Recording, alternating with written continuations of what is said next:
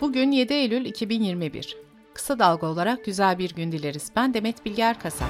Gündemin önemli gelişmelerinden derleyerek hazırladığımız Kısa Dalga Bülten başlıyor.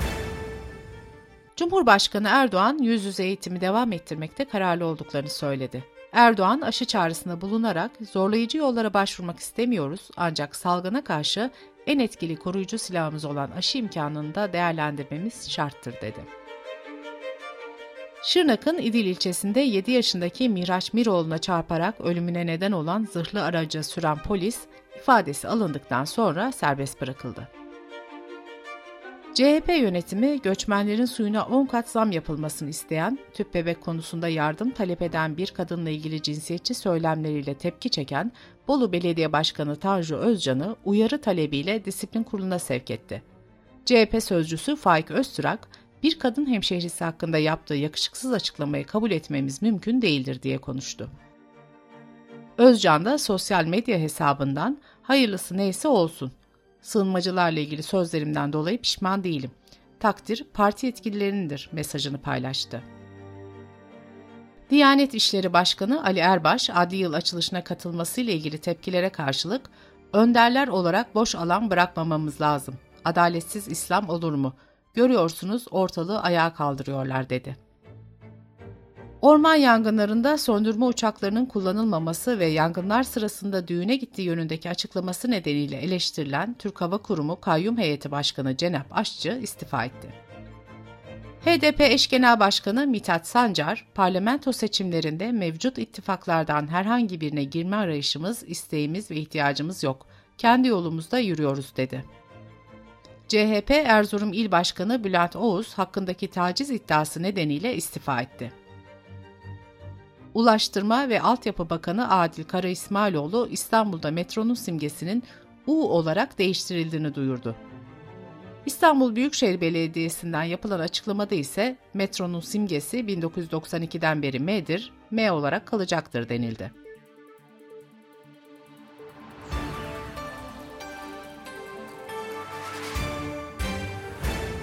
CHP milletvekili İrfan Kaplan, Sağlık Bakanı Fahrettin Koca'ya Türkiye'deki intihar vakalarını sordu. Kaplan'ın soru önergesine bir yıl sonra İçişleri Bakanlığı'ndan yanıt geldi. İntiharların nedenleriyle ilgili sorular yanıtsız bırakıldı. İçişleri Bakanlığı'nın verilerine göre 2015-2020 yılları arasında 14.530 kişi intihar etti. Bültenimize COVID-19 haberleriyle devam ediyoruz. Sağlık Bakanı Fahrettin Koca, illerde 100 bin nüfusa karşılık gelen vaka sayılarını açıkladı. İstanbul ve Ankara'da vaka sayıları geçtiğimiz haftaya göre artarken İzmir'de düşüş gözlendi. Rize, Bayburt ve Aksaray ise en çok vakanın görüldüğü iller oldu. Sağlık Bakanlığı daha önce 12 yaş ve üstündeki çocuklardan sadece kronik rahatsızlığı olanlara aşı randevusu tanımlamıştı. Bakanlık yüz yüze eğitimin başlamasından bir gün önce bu kez 12 yaş ve üstündeki tüm çocuklar için aşı randevusu tanımladı. Sırada ekonomi haberleri var.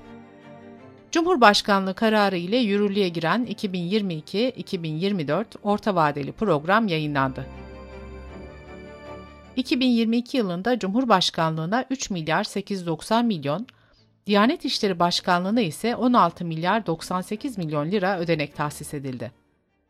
Bütçesinde rekor artışa gidilen kurumlardan biri de İletişim Başkanlığı oldu. 2021 yılı için 422 milyon 754 bin lira kaynak ayrılan İletişim Başkanlığı'nın 2022 bütçesi ise 680 milyon 127 bin lira olarak belirlendi. Orta vadeli programda hükümetin dolar kuru tahminleri de yer aldı.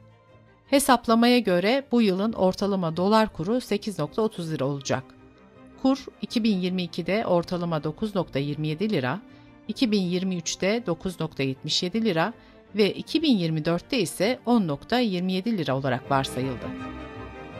Programda tüfe yıllık artış oranı bu yıl sonu için %16.2 olarak öngörüldü. Merkez Bankası'nın son enflasyon raporundaki yıl sonu enflasyon tahmini ise %14.1 düzeyindeydi.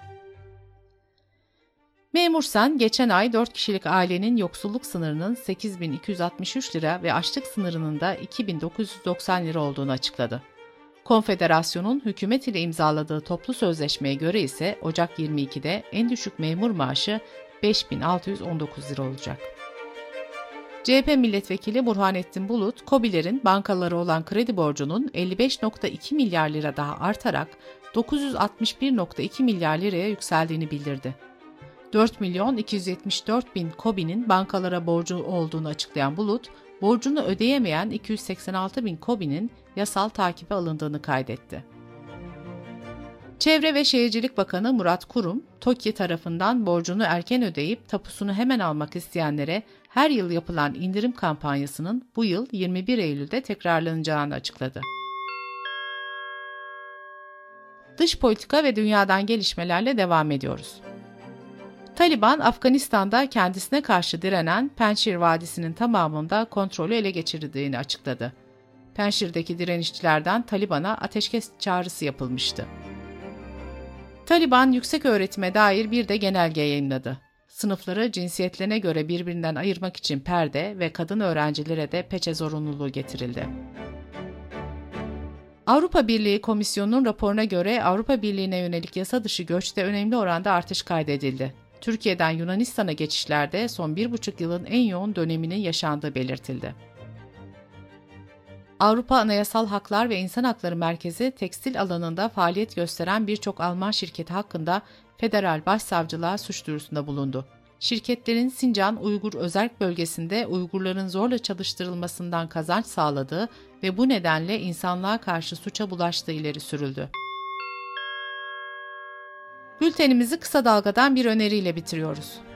Gazeteci ve polisiye yazarı Timur Soykan'ın hazırladığı Sahte Peygamberin Tuzağı başlıklı 3 bölümlük podcast serisinde Allah'ın kendisiyle konuştuğunu söyleyen bir sahte peygamberin tezgahını ve tuzağa düşenlerin hayret verici hikayesini dinleyeceksiniz. Kısa Dalga.net adresimizden ve podcast platformlarından dinleyebilirsiniz. Gözünüz kulağınız bizde olsun. Kısa Dalga Medya.